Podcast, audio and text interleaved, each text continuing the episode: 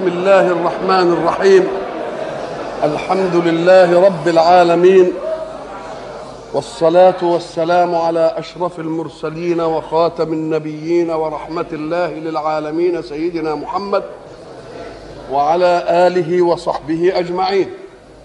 وبعد فقد وقفنا في اللقاء السابق عند قول الله سبحانه أعوذ بالله من الشيطان الرجيم.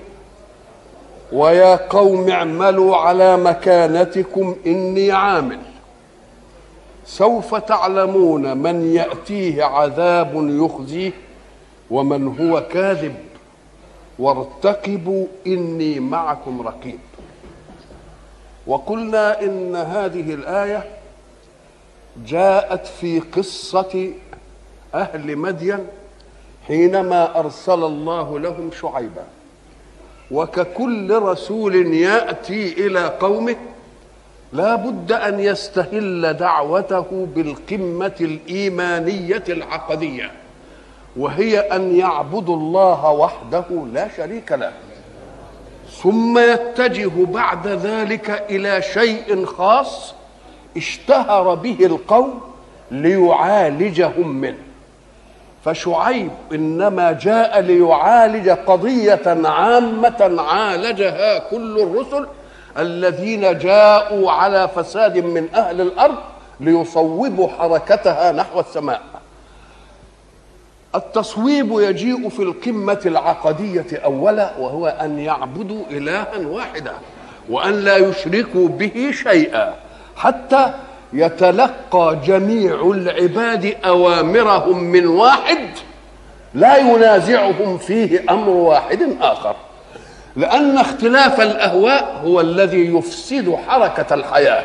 هذا يأمر وذلك ينهى. والمراد في حركة الحياة أن تتحد حركات الخلق لتكون حركة متعاضدة متعاونة لا متعارضة متعاندة.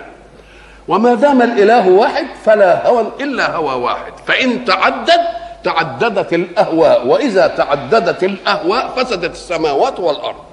وبعد ذلك يجيء الأمر الخاص الذي بصدده يجيء الرسول لإبراء قومه من هذا الداء. وقلنا إن الداء في أهل شعيب إنما كان نقص الكيل والميزان.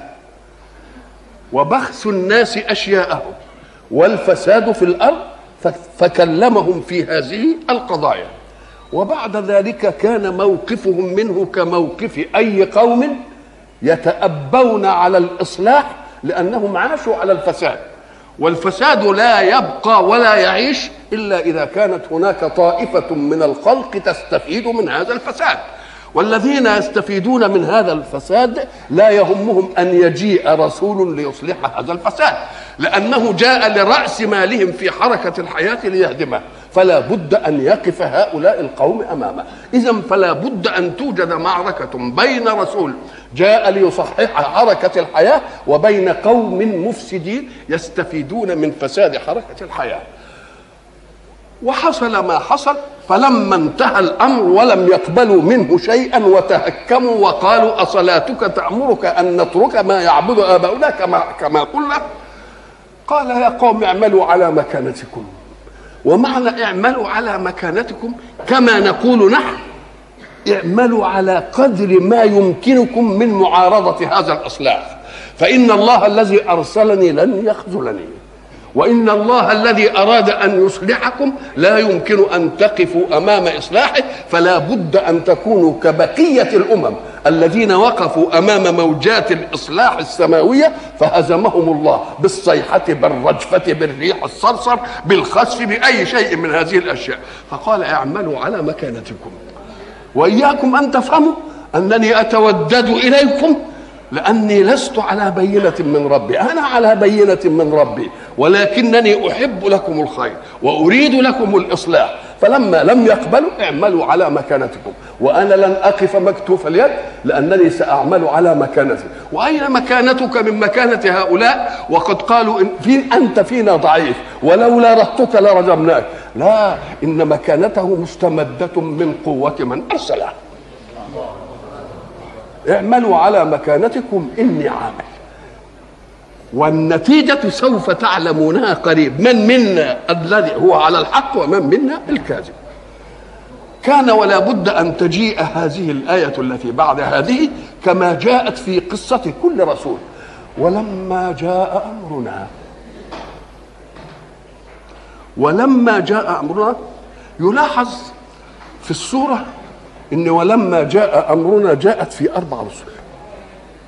إلا أنها في اثنين منهما جاءت فلما جاء أمر ربنا. فلما جاء أمرنا.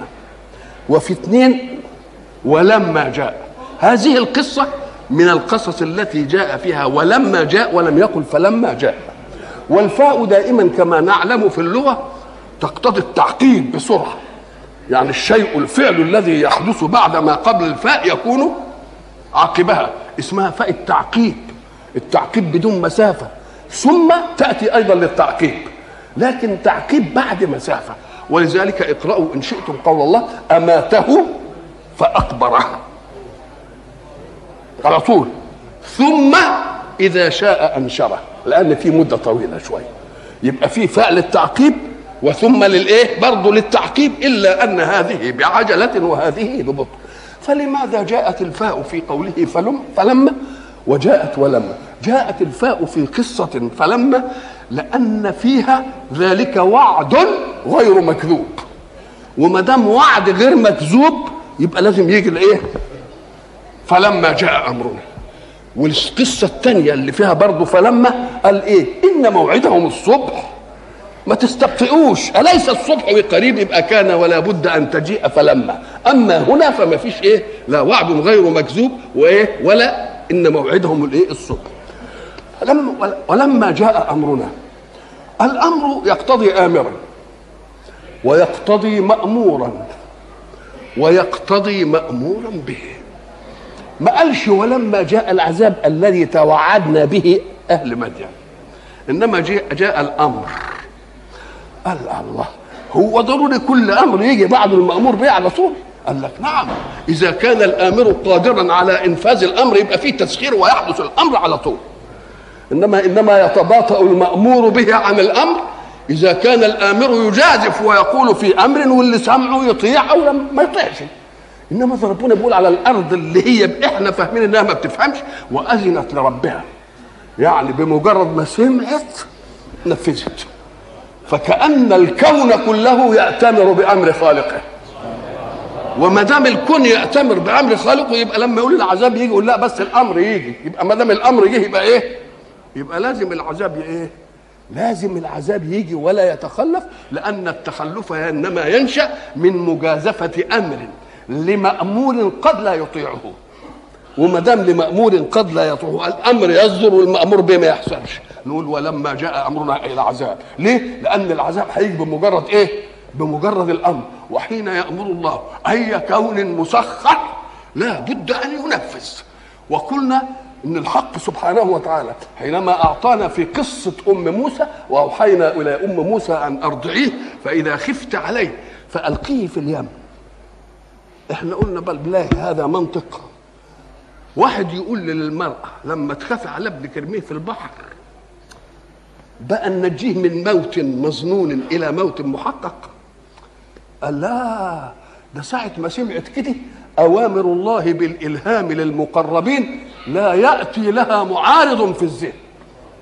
قال كده يبقى لازم تعمل وإن كان مخالفا لسنن العادة ولذلك سارعت ولا ما سارعتش؟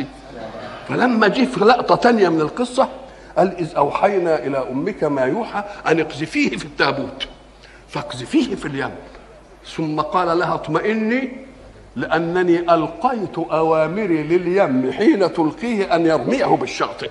فليلقه اليم بالساحل. خلاص أوامر ما تتخلفش. هكذا فلما جاء إيه؟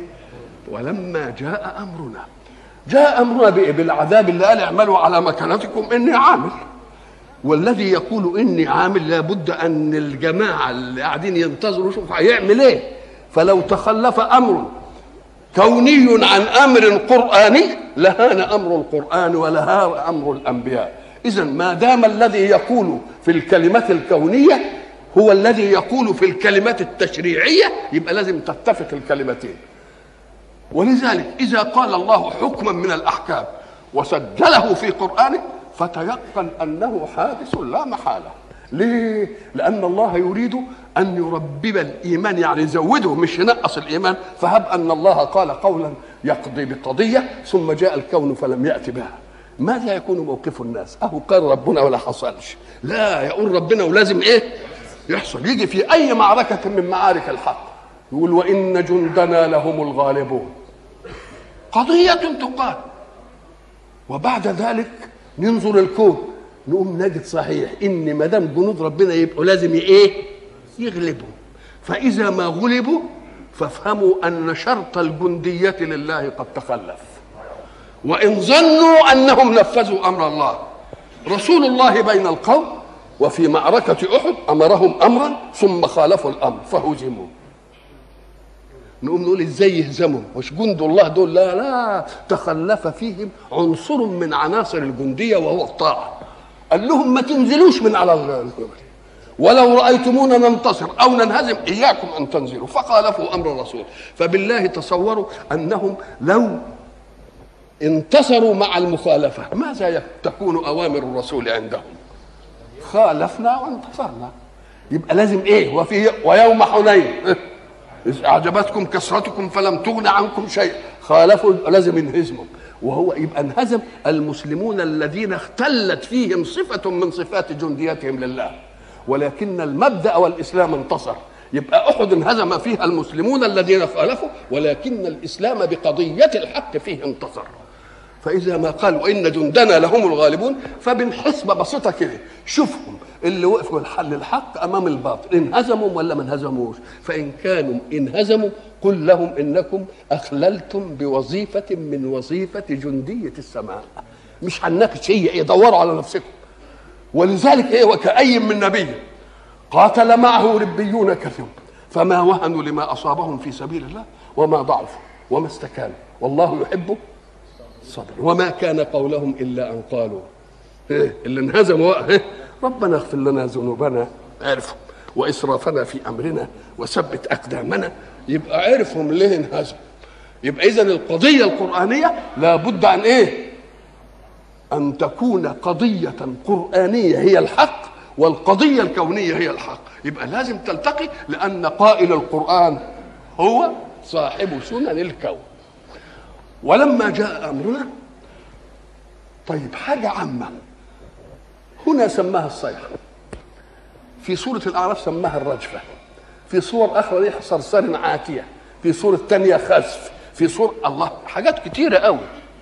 أم قال لك الأمر العام المهدد به كيف يكون موجها إلى قوم وممنوعا من قوم؟ طب هم كلهم صيحة يبقى لازم ريح صرصر لازم هتعم الكل. طب إزاي بقى؟ ده ينجي. وده إيه؟ أهي دي عظمة التوجيه بقى. مما يدل على أن جندية الكون لله تقول للجند ده اتجه هنا وسيب ده وانتوا الاثنين يا بعض ينجي ويهلك بالشيء الواحد. يبقى القضية جت والصيحة جت وبعدين نجينا شعيبة والذين معه. الله. تبقى دي نجينا ده ما فيش حاجة يعني مميزة ده ريح ده صيحة. دي ما قال لك آه. ليه؟ لأن إذا كان البشر كما قلنا سابقا دلوقتي عمال بيعمل إيه؟ بيعمل صواريخ موجهة. يقول توجه للبلد دي ولا توجهش للبلد دي؟ واضرب الحتة دي ولا تضربش الحتة دي. الله. طب إذا كان الخلق عمل حاجات موجهة. موجهة في الأماكن بس. فكيف لا يصنع الخالق توجيها في المكين روح هنا وانت روح هنا. على طول ما فيش حاجة. يبقى إذا كل قضايا الكون التي يجد بها العلم إنما جاءت لتسعفنا في قضية أن الحق سبحانه وتعالى ما دام الزمام بيده يوجه هذا ويوجه. ولذلك في قصة فرعون ألم يضرب موسى البحر بالعصا؟ ضرب البحر بالعصا فانفلق. أخرج الماء عن قانونه وهو السيولة. ويخرجه عن قانونه وهو السيولة مش حاجة قريبة من السيولة لا. ده كل فرقة كالطود جبل. مية تبقى جبل. هو صاحب القانون. يعمل الميه جبل خلاص يعملها الله كل فرق كإيه؟ كالطود العظيم. وبعدين يمشي موسى كده. فلما ينجو موسى مع قومه ويشوف فرعون جاي وراه يريد موسى أن يضرب العصا البحر ضربة أخرى. ليه؟ ليرجع إلى ما كان بقانون السيولة. فربنا يقول له إيه اترك البحر رهوا خليه زي ما هو. علشان يغترهم ويمشوا وراكم في السرداب ده. ولما يبقى أولهم هنا وآخرهم هناك أعطي للماء العودة إلى قانون سيولته فيغرقوا يبقى أنا نجيته وأهلكت بالشيء الواحد. أنجيت وأهلكت؟ ودي ما يعملهاش إلا مين؟ إلا الإله القادر على تصريف الأمور وكلمة نجينا شعيبا والذين آمنوا معه نجينا. النجاة هي أن يوجد بنجوى ويبدو أن أن عداوة الماء للبشر حين يطغى أقوى من عداوة النار. ساعة الماء ما يجي يبقى أقوى من الماء من النار. ولذلك تجد إن العرب بعثروا في الجزيرة بعد ما كانوا هناك في إيه؟ في اليمن في الجنوب. والسد بقى مخليهم إيه؟ لقد كان لسبأ في مسكنهم آية. جنتان عن يمين وشمال. كلوا من رزق ربكم واشكروا له. بلدة طيبة ورب غفور. فأعرضوا. فأرسلنا عليهم سيل العرم. حتة فرجت لخبرت في السد كده راحت المية إيه؟ كما يقول العرب فرقتهم أيدي سبع. فتنهم طالعين عشان خوف من الايه من طغيان المية وكل واحد راح له في حتة. قعدوا كارهين حكاية المية دي اللي هي اسمها سر الحياة. اللي كل كل حاجة حيه منها. ساعه ما يشوفوا المية يخافوا. فعملوا قال لك ده إحنا نقعد في الصحراء اللي ما فيهاش مية ونقعد نتعب عشان نستنبط شوية مية ونشربها. أحسن أحسن من الحكاية إيه؟ من الحكاية دي. اذا عداوة الماء دي فقال لك نجا اتخذت من حكاية عدو عداوة الماء في الطغيان للبشر. يبقى هو بنجوى يعني بحته مرتفعة. زي إيه؟ سآوي إلى إيه؟ نجوى حتة عالية. كلمة نجا في كل من كل شيء. نجا من النار نجا من الماء نجا من العدو نجا من الحيوان المفترس كلها مأخوذة من مين؟ من النجوى اللي هي المكان العالي عشان يحسن من طغيان الإيه؟ يبقى هي دي الإيه؟ الأساس. نجينا. يقال في الفعل نجا فلان. إذا كانت قوته تسعفه في أن يخلص نفسه من العذاب. طب وما كانتش قوته تخلصه من العذاب؟ يوم يجي حد ينجيه يقول أنجاه.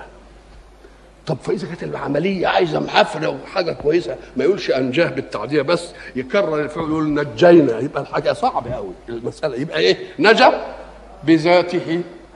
أنجاه غيره. نجاه غيره. إذا كانت المسألة فيها إيه؟ صعوبة. فإذا كان الفعل قد أسند في النجاة إلى الله. نجينا. وشوف نجينا مش نجيته. تملي كده. في كل شيء فيه فعل من الحق يقوم يجيب الضمير الجامع. إنما في كل شيء فيه ذات يجيب ضمير الإفراد. انا إنا أنزلناه في ليلة القدر. لما لما يجي يتكلم على الذات مجرد على الفعل بقى يقول إنني أنا الله. يبقى لازم يجيب حاجة واحدة. إنني أنا الله. نجينا شعيب. طبعا والذين آمنوا معه. ما هو قال اعملوا على مكانتكم. إني إيه؟ إني عامل. وعمله ملوش حاجة في النجاة لأن هو ما, ما دخلش نجا إنما نجينا.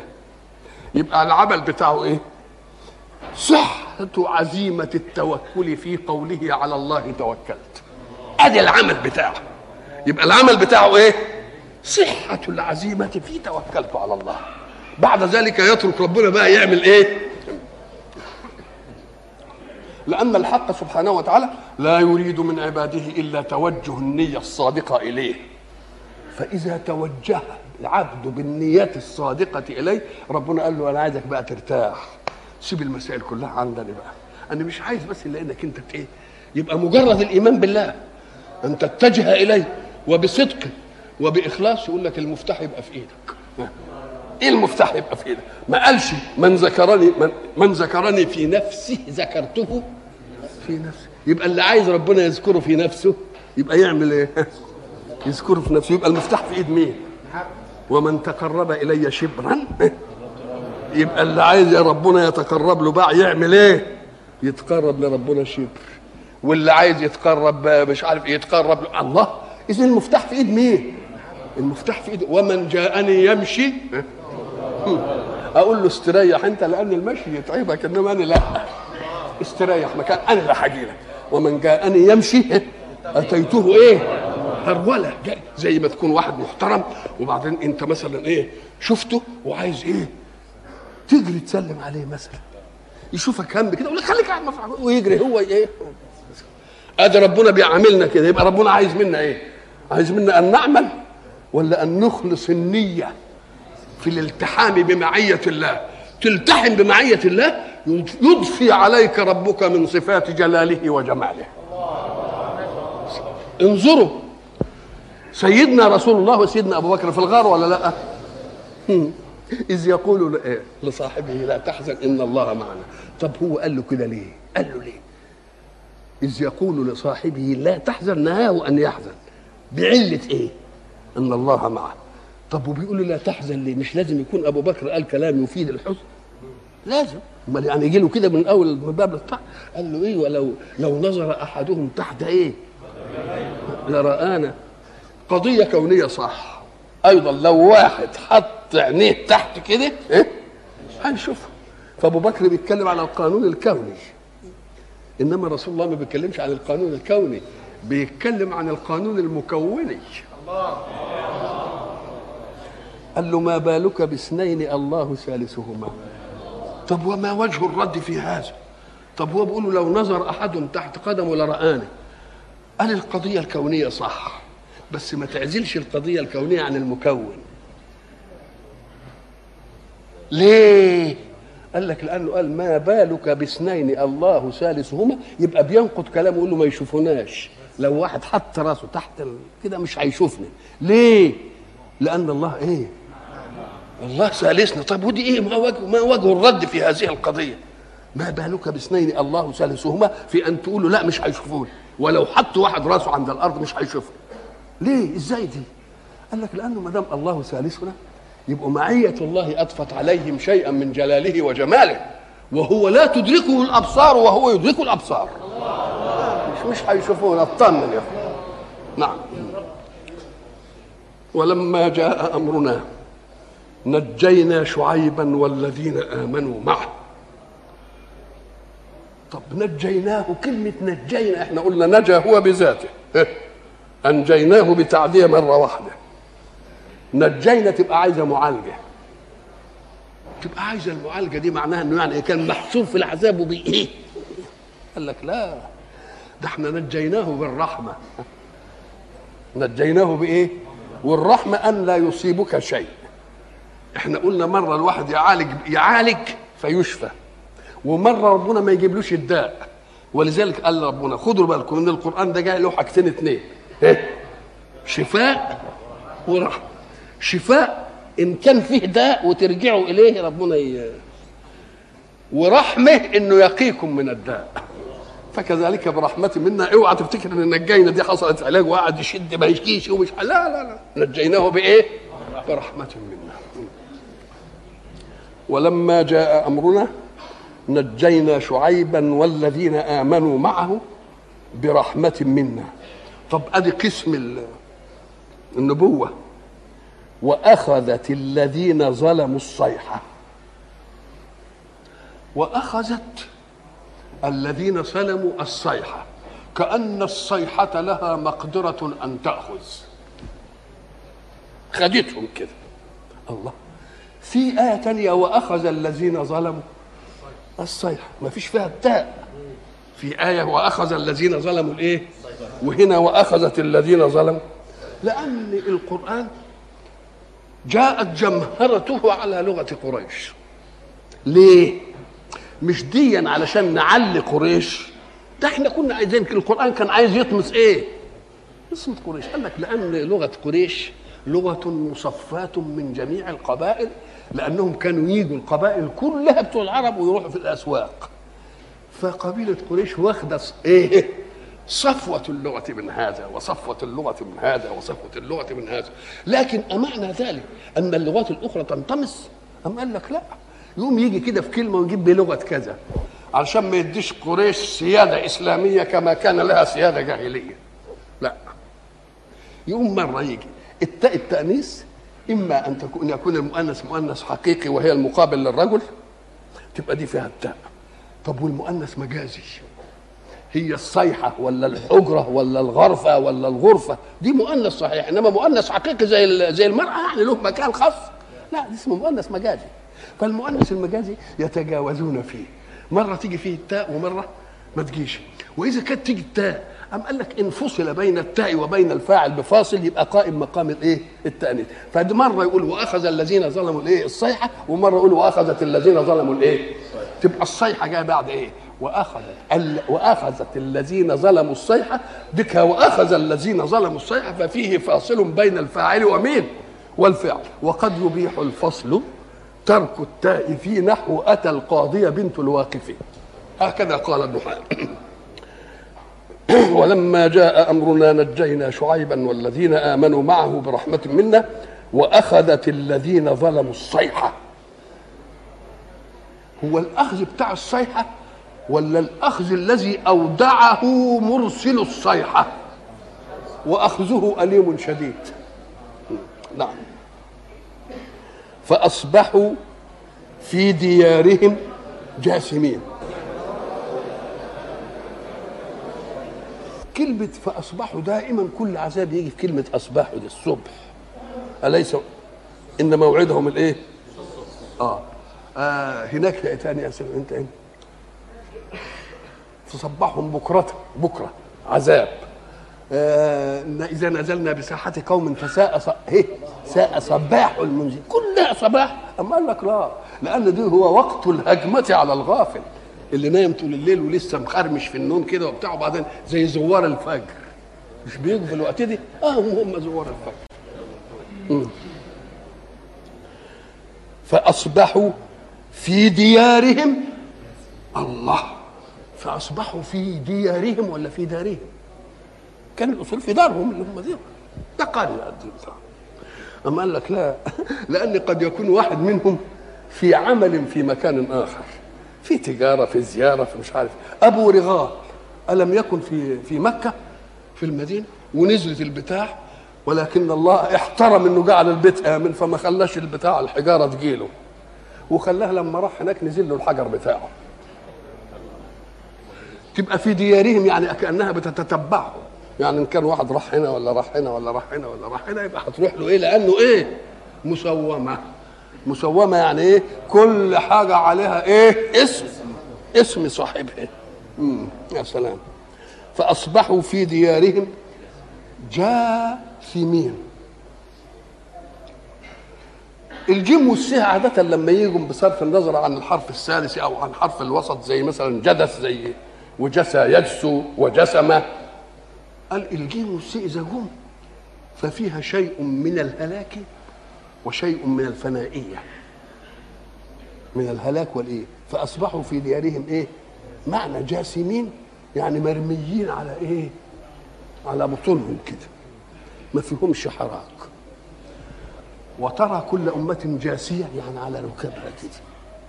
حتى عندنا في كلمة الجثة الجيم والسه والسه مضاعفة كلمة الجثة معناها إيه؟ لا الجثة ما تقالش إلا للميت. الإيه؟ الجثة ما تقالش للايه وانظروا بقى انظروا إلى عظمة الحق وهو الموت. ساعة أي إنسان ما يكون له شأن في الدنيا وبعدين يموت أول ما ينسى اسمه. ويقولوا الجثة فين؟ الجثة عملوا فيها إيه؟ ودوا الجثة فين؟ الله الله الله بعد صاحب المش آه بقت مين؟ الجثة شوف ويقولها قاعد شوف الجثة عملوا إيه؟ غسلوا الجثة كفنوا الجثة هاتوا هي الجثة عملوا إيه؟ الله الاسم راح فين؟ انتهى طيب وبعد الجثة ما تتغسل كده ويحطوها في النعش ما يقولوش الجثة كمان يقول لك هي الخشبه استنى الخشبة جاية الخشبه خشب الله وبعدين يترمي فين؟ تترمي في القبر حيث تحضنه أمه الأصيلة. ما يتحملش قيحه وصديده وقرفه ده إلا مين؟ إلا أمه. تقعد تمتصه كده مش عارف إيه الكل يقرف منه. واللي عايز بقى يشوف واحد محموق على ميت كده يقول لهم سيبوه له أسبوع عنده كده ياخده في حضنه. يقول لهم لا لا لا لا. إذا شوف لا شوف حسن بمجرد ما ينزع ربنا السر الذي به كان الإنسان إنسانا وهو الروح خلاص يبقى رم الحكاية. تبقى جثة الأول وبعدين خشبة وبعدين القبر وبقى لا لا لا مسائل فأصبحوا في ديارهم إيه؟ جاثمين. كأن لم يغنوا فيها. اللي يمر كده يقول ما أكن ما كانش هنا حد ولا له وجود. ولذلك إيه؟ حتى إذا أخذت الأرض زخرفها وزينت وظن أهلها أنهم قادرون عليها.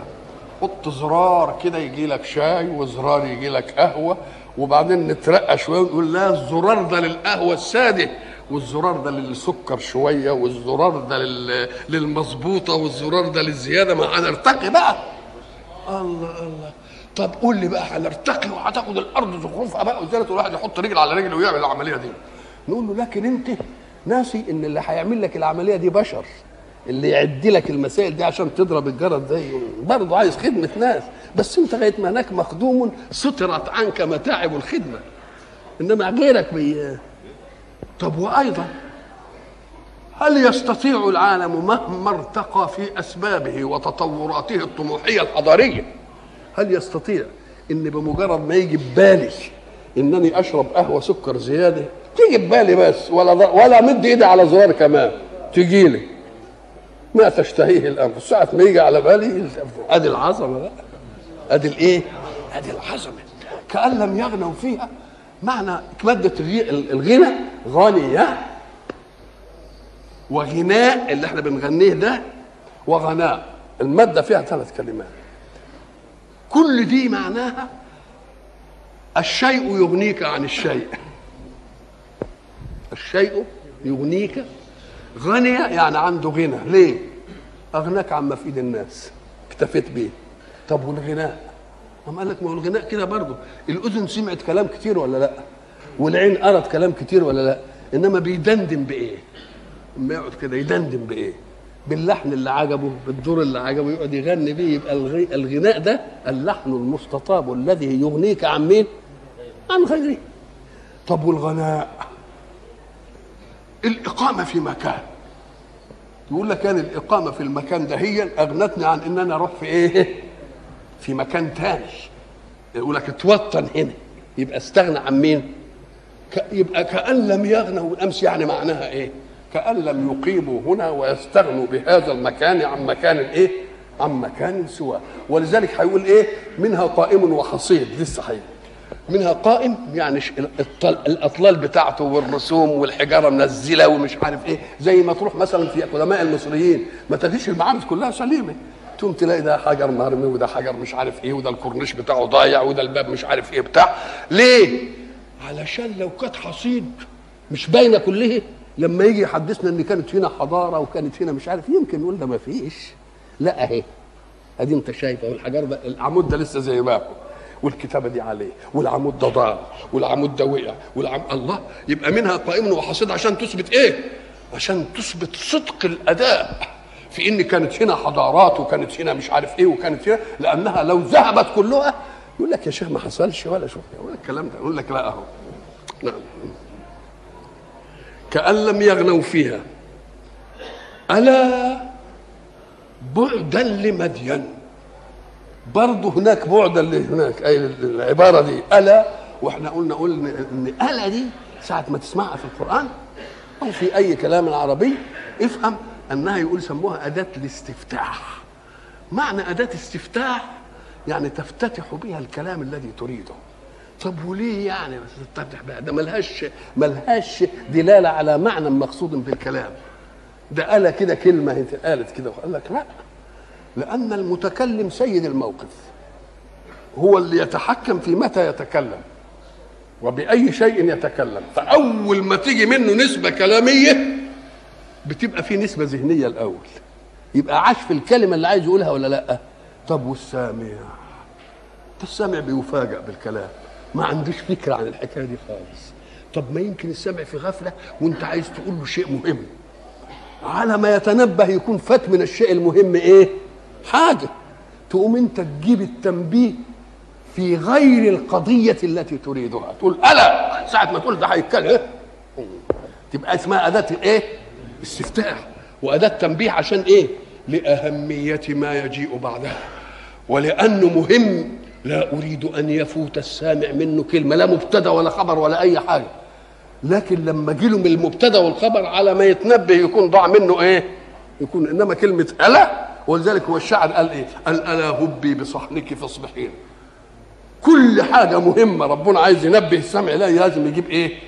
ولذلك بيجيبها في شوف ألا إن أولياء الله لا خوف عليهم ولا هم يحزنون. ألا إنهم هم المفسدون.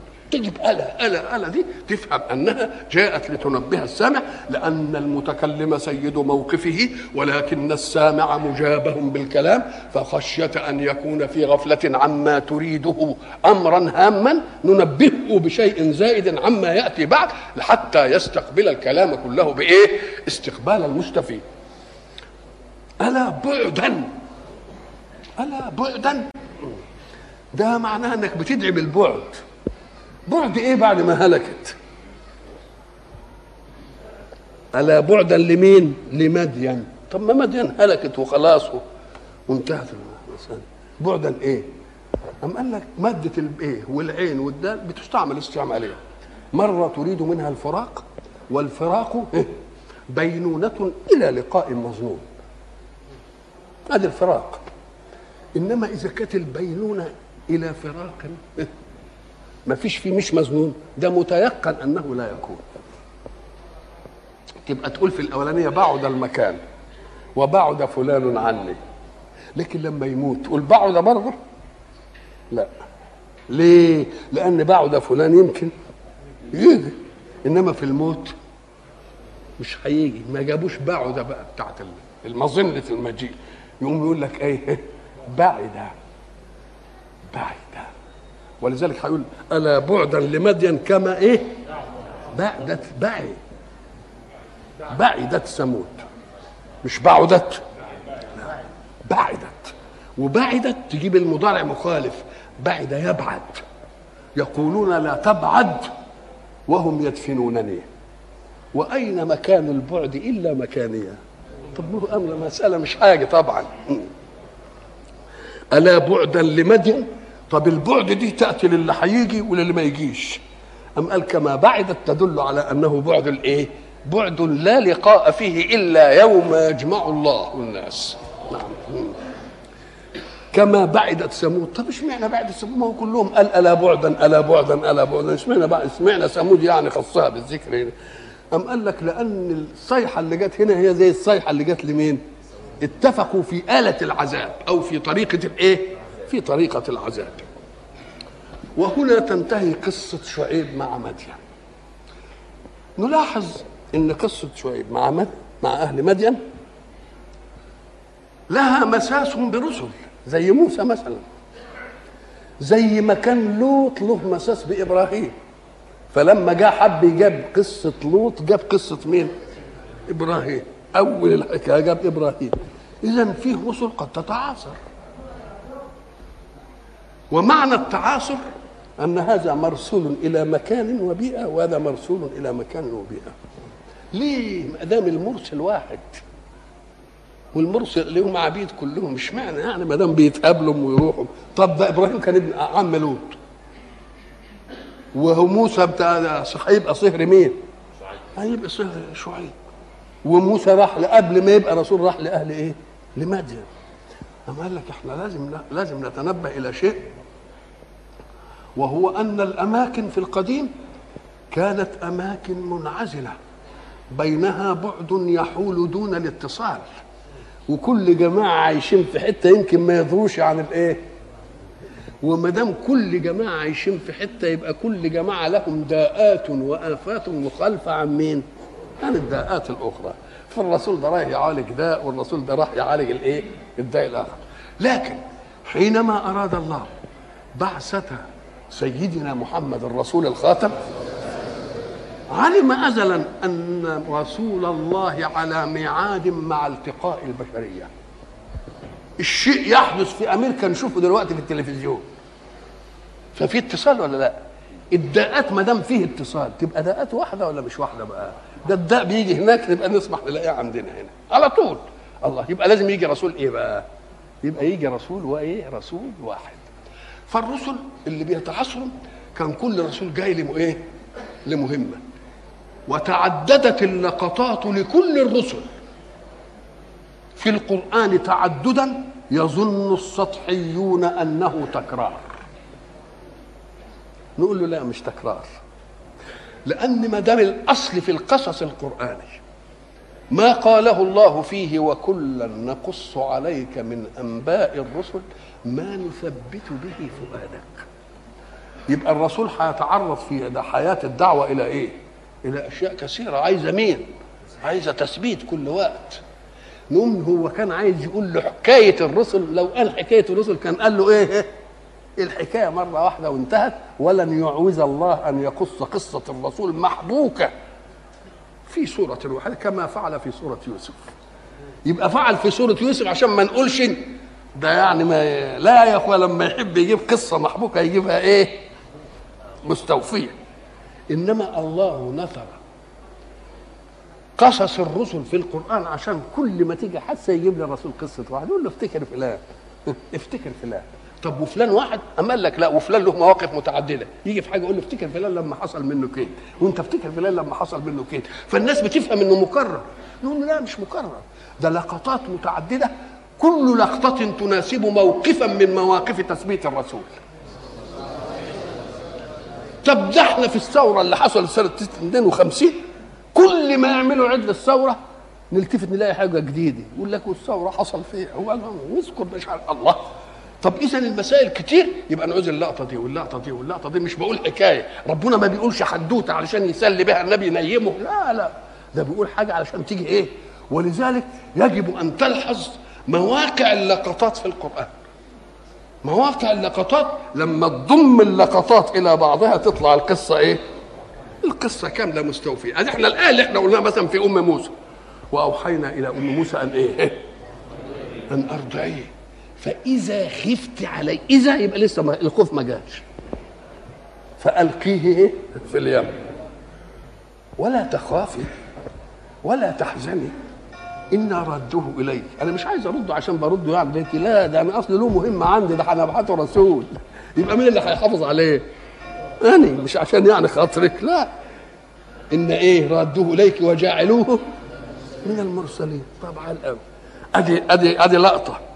تيجي تانية ربنا يمتن على إذ أوحينا إلى أم ولقد مننا عليك. إذ أوحينا إلى أمك ما يوحى أن اقذفيه في التابوت فاقذفيه في اليم فليلقيه اليم بالساحل يأخذه عدو. كلام كده إيه؟ تو تو تو تو. ليه؟ قال لك لأن التهيئة الأولانية قبل مجيء الحدث. ففيه وقت أن أرضعيه فإذا في رتابة. في أن أرضعيه فإذا خفت عليه فألقيه في اليم ولا تخافي ولا تحزني. إنا رادوه إليك وجاعلوه من المرسلين. كلام رتيب كده لأن الحدث لسه ما جاش وقته إنما الثاني كان الوقت بتاعه جه. إذ أوحينا إلى أمك ما يوحى. أن اقذفيه فتشوف الأوامر.